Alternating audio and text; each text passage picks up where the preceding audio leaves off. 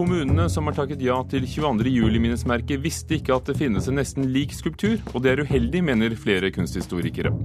40% av oss har vanskeligheter med å forstå lover og forskrifter. Og flere filmer finansieres av publikum selv.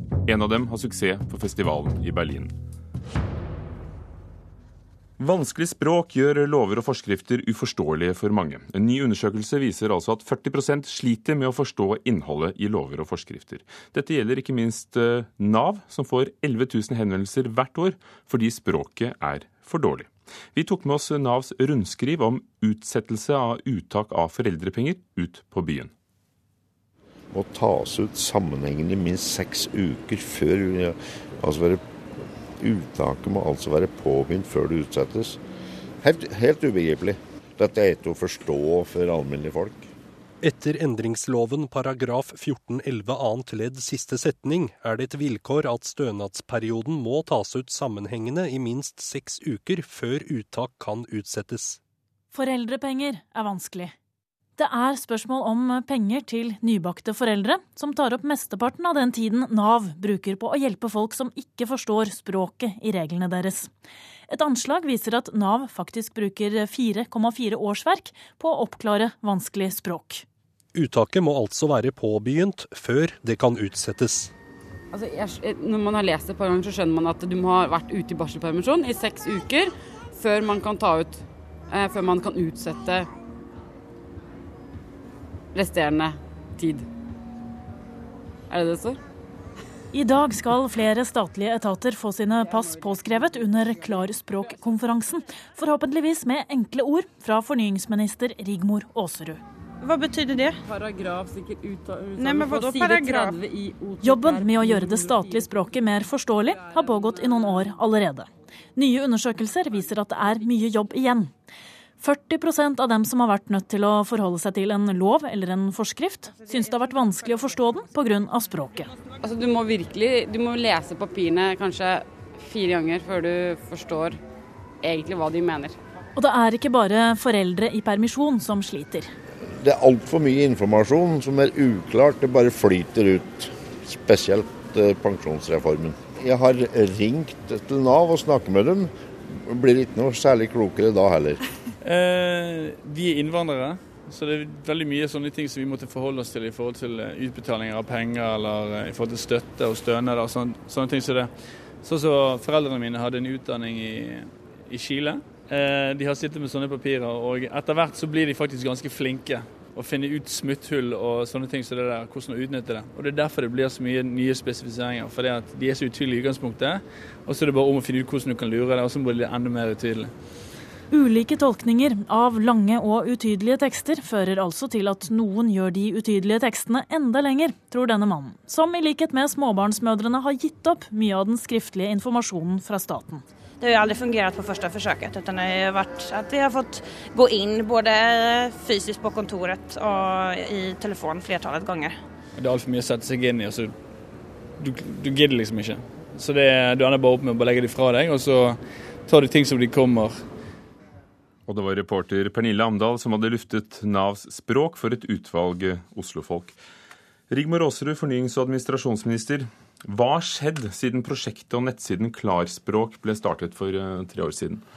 Det er mange etater som har hatt fokus på det med klart språk. Jobba med å gjøre språket enklere i de breva de sender ut. Brukt uh, sånne grupper med vanlige folk som har lest gjennom breva før de går ut, og sett om de skjønner det. Så tror jeg vi i mange etater har blitt mye mer opptatt av å skrive enklere. Men det er mye igjen. Dette er et pågående arbeid, og vi blir aldri helt ferdig med det. Det vi er opptatt av nå, særlig, er å gå gjennom lovspråk sammen med Justisdepartementet. For det viser seg at veldig mange ikke skjønner det som står i lover og forskrifter. Hege Turnes, kommunikasjonsdirektør i Nav. Hva synes du om eksempelet vi hørte før her? Er det representativt? Eh, ja, det kan det nok være. Altså, det er ikke noe overraskelse for, eh, for, oss i Nav, det de sier. Altså, dette har de også sagt til oss, for vi har gjennomført brukerundersøkelser blant disse mottakerne av foreldrepengebrevene. Eh, og, der kom det veldig mange av de samme type, type tilbakemeldinger. Derfor så har vi også vårt eget klarspråkprosjekt i Nav, hvor nettopp foreldrepenger er et av de områdene som vi har plukket ut. Men har de ikke nådd dette skrivet ennå? Om vi har de, Dette prosjektet har kanskje ikke nådd dette skrivet ennå? Det er kanskje ikke blitt vasket ferdig? Altså Jeg vet ikke hvilken versjon de sitter med, de som har vært ute. Men i disse dager så legger vi hånd på det siste, altså nye forslag til brev. Og så skal jo det også brukertestes, eh, for vi tar utgangspunkt i brukeren når vi lager våre nye brev. Så, eh, så de lages både på bakgrunn av den brukerundersøkelsene som vi har gjennomført, og også skal de brukertestes da på nytt for å se om de forstår innholdet bedre. Hva har staten, regjeringen, og dermed også vinne på et forståelig språk? Ja, Først og fremst er det jo et demokratisk prosjekt, sånn at folk skjønner det det offentlige henvender seg til publikum med. Men vi har også mye å spare økonomisk. Det viser seg jo at uh, antall henvendelser til de etatene som har gjort jobben, går betraktelig ned, så det er penger å spare på det. Vi har jo sett at folk må sende inn brev både to og tre og fire ganger før man uh, har fått med seg de opplysningene man skal ha. Og det er klart det koster penger. Både for den som er mottaker av opplysninga, men ikke minst plunderheft for den som må gjentatte ganger uh, fylle ut skjemaer, uh, komme med nye opplysninger. Så det er mye penger å spare på det. Og Statens vegvesen, som er en av dem som har gjort veldig mye nå det siste, bl.a. med kjøretøykontroll. Ja, Du sitter med to brev der. Ja. Jeg syns bare overskrifta på det gamle og det nye sier jo noe om hva eh, Statens vegvesen har gjort. For i det gamle brevet så sto det 'manglende rapportering av periodisk kjøretøykontroll'. Og du kunne få bli begjært avskilt av bilen din. Det var ikke så lett å skjønne. Men nå st står det i overskrifta på brevet 'Har du glemt EU-kontrollen'? Og det er jo mye lettere å forstå. Og Statens vegvesen har fått ned antall henvendelser med 40% fordi man har gjort språket enklere i de breva de sender ut. Så når dere da har brukt i 2010 var det 2,1 millioner kroner til språkprosjekter hos 70 eh, statlige virksomheter, så er det vel anvendte penger?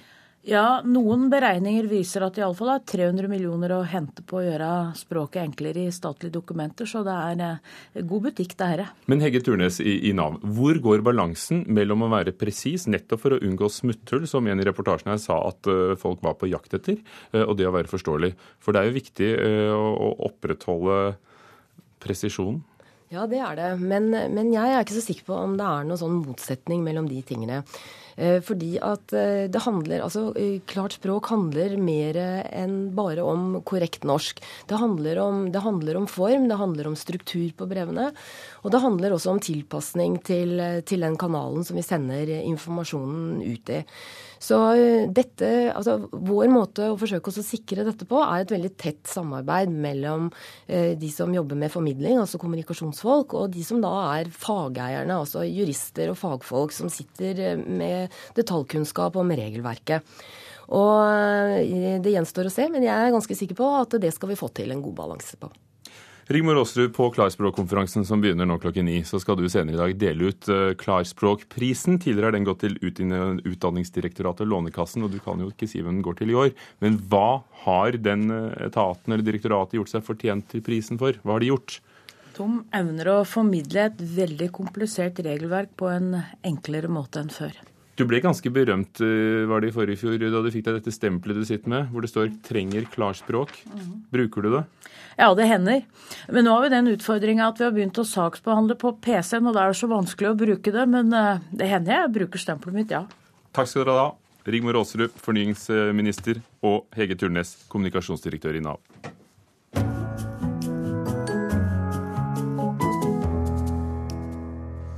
De 56 kommunene samt Svalbard og Georgia som mistet innbyggere under terrorangrepet 22.07, har fått tilbud om et minnesmerke laget av kunstneren Nico Widerberg. Over 40 kommuner har allerede takket ja. Men de visste ikke at det allerede finnes en nesten lik skulptur. Gå ned den veien der, og så tar dere først ned til høyre. Den, for du ser kapellet, du ser taket av kapellet. Arbeidslederen på Alfaset gravlund i Oslo viser vei til en statue laget av Nico Widerberg. Blant bjørketrær i en minnelund for dem som ikke ønsker individuell grav, står en hul, firkantet steinblokk med silhuetter av en menneskekropp skåret ut av steinen. Den er svært lik minnesmerket Widerberg har laget i norske kommuner etter 22.07. Eh, jeg tenker at det er et typisk Widerberg-monument. Eh, Kunsthistoriker Truls Ramberg i norsk form betrakter skulpturen laget i 1998 og synes likheten med 22. juli-minnesmerket er problematisk. Fordi eh, da, da, forbinder man det jo enda mindre med Utøya.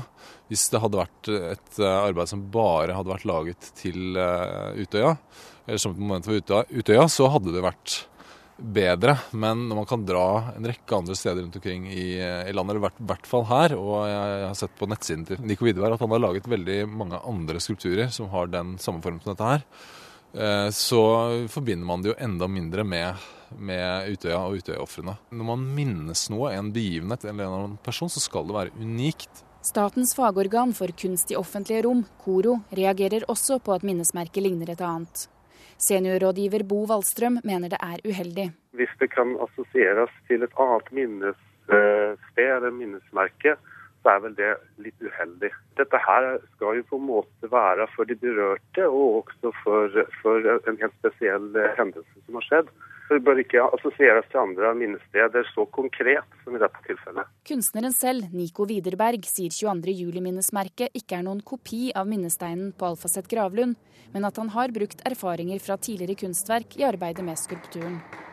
Det er ikke samme skulpturen, selvfølgelig har den noen samme løsningen. og det det, det, var ikke noe jeg på en måte tenkte bevisst på at jeg har gjort eh, en sånn skulpturløsning, på en måte, men det er mer en erfaring, mulighet. Altså, den, den, er jo annerledes.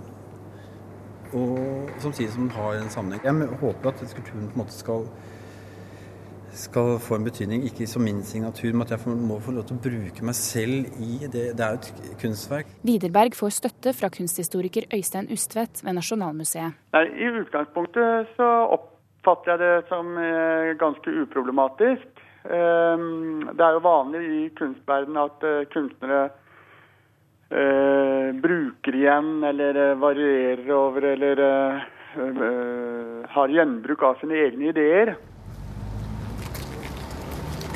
Men det ser ut som en billig løsning, spør du meg, da, å gjøre det samme to ganger. NRK viser fram bilder av de to lignende Widerberg-skulpturene til folk i Oslo. Nei, altså jeg har ikke noe problem med de minner om hverandre. Det er måske inspirere det. Ja, Det syns jeg jo ikke er helt uh, i orden. For det skulle jo være noe som knytter seg til 22. juli, og det gjør jo ikke det. Nei, altså, Det syns jeg ikke er helt ålreit. Jeg likte det, men nå, nå syns jeg ikke det var så, så fint lenger. Oslo kommune sendte forrige uke et brev til KS, kommunesektorens organisasjon, der de gjør oppmerksom på at det allerede finnes en nesten lik skulptur. Men kommunene har ikke fått denne beskjeden. Flertallet av kommunene har takket ja til 22. juli-minnesmerket. Wallstrøm vil at de skal ha mulighet til å kunne endre sin beslutning. Man bør kunne også ta en omvurdering. Altså, det er jo ingen som, eh, som skal være fanget i, eh, i, en tidsfrist hvis det skulle vise seg at eh, man da også tenker annerledes i kommunene etterpå. Det sa Bo Wallstrøm i KORO, statens fagorgan for kunst i offentlig rom. Reportere var Ida Kvittingen, som vi hørte i reportasjen, og Gjermund Jappé. Du hører på Nyhetsmorgen i NRK P2. Klokken er passert 18 minutter over åtte, og her er dagens overskrifter. Oppfølgingen av overlevende og pårørende etter 22.07 har sviktet i flere kommuner. Mange venter fortsatt på psykologhjelp. Når banken sender deg nytt bankkort, setter den deg samtidig i fare for å bli utsatt for svindel og identitetstyveri, mener politiet. Og Annbjørg Lien, kjent felespiller, har laget en plate full av overraskelser, og noen av dem får vi høre senere her i Kulturnytt. Men først til Berlin.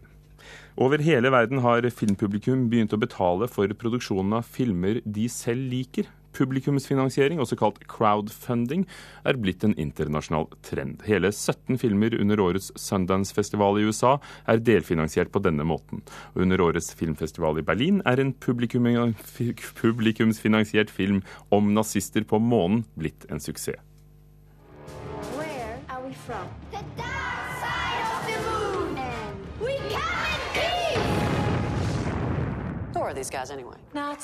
Nazister invaderer jorden fra månen i filmen 'Iron Sky'.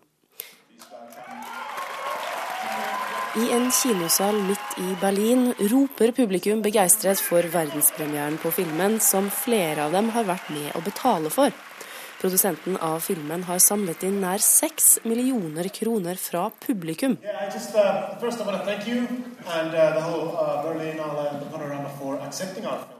Såkalt crowdfunding, eller publikumsfinansiering, har blitt en stor internasjonal trend i filmbransjen.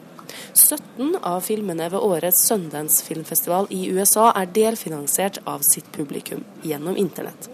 Den finske filmen 'Iron Sky' er en av filmene som har samlet inn mest. Regissør for filmen Timo Vurenzola kunne ikke klart seg uten pengene fra publikum. Uh, crowdfunding made it possible for us to make this movie in the first place. Without it, it would have died.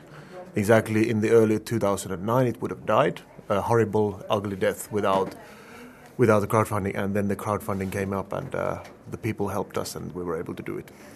So, welcome everyone. This is Power to Pixels launch of the Pixel Lab 2012. Et annet sted i Berlin snakker Liz Rosenthal fra selskapet Power to the Pixel om nye medier og film. Hun er en av Europas fremste eksperter på publikumfinansiert film, og hadde tro på Iron Sky før noen andre hadde det. Publikumsfinansiering handler om mer enn penger, sier hun. Det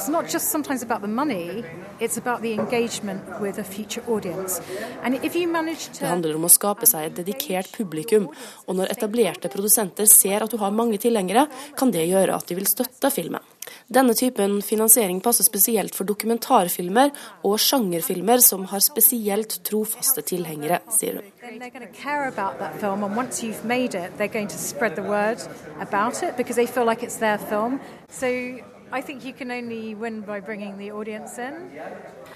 De amerikanske nettstedene Indiegogo og Kickstarter hjelper håpefulle filmskapere med å finne publikum som vil betale for at film blir laget. Men også i Norge har noen fått øynene opp for crowdfunding. Denne måneden åpnet nettstedet New Jelly, som skal prøve på noe av det samme som de amerikanske nettstedene. På Indiegogo har to studenter fra Filmskolen på Lillehammer samlet inn til sammen 65 000 kroner til å lage sine eksamensfilmer. Produsent Erik Fogel er en av de få i den etablerte norske filmbransjen som har prøvd noe som ligner på publikumsfinansiering. Du finner fram til folk som liker ideen din, og så har du en dialog med dem, og den kan utløse at de faktisk investerer i filmen din. Uh, crowdfunding, uh, eller publikumsfinansiering, uh, er ikke bare framtid, det er samtid. Det gjøres. For meg så er det en helt naturlig ting å overveie for enhver produsent. Og Iron Sky kommer på kino i Norge i april. Reporter på filmfestivalen i Berlin var Eirin Venås Sivertsen.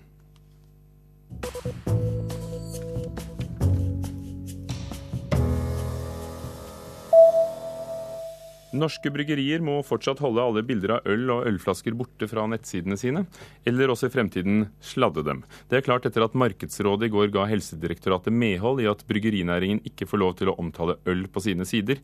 Direktør Petter Nome i Bryggeriforeningen raser mot vedtaket og kaller ølsensuren en pornosladd overfor VG Nett. Munch-utstillingen 'Det moderne blikk' har satt publikumsrekord i Frankfurt. Utstillingen som vises på Schirn kunsthalle har hatt 6265 besøkende i løpet av de første dagene, skriver Aftenposten. Og på de 26 årene kunsthallen har eksistert, har det aldri vært så mange besøkende på en utstilling.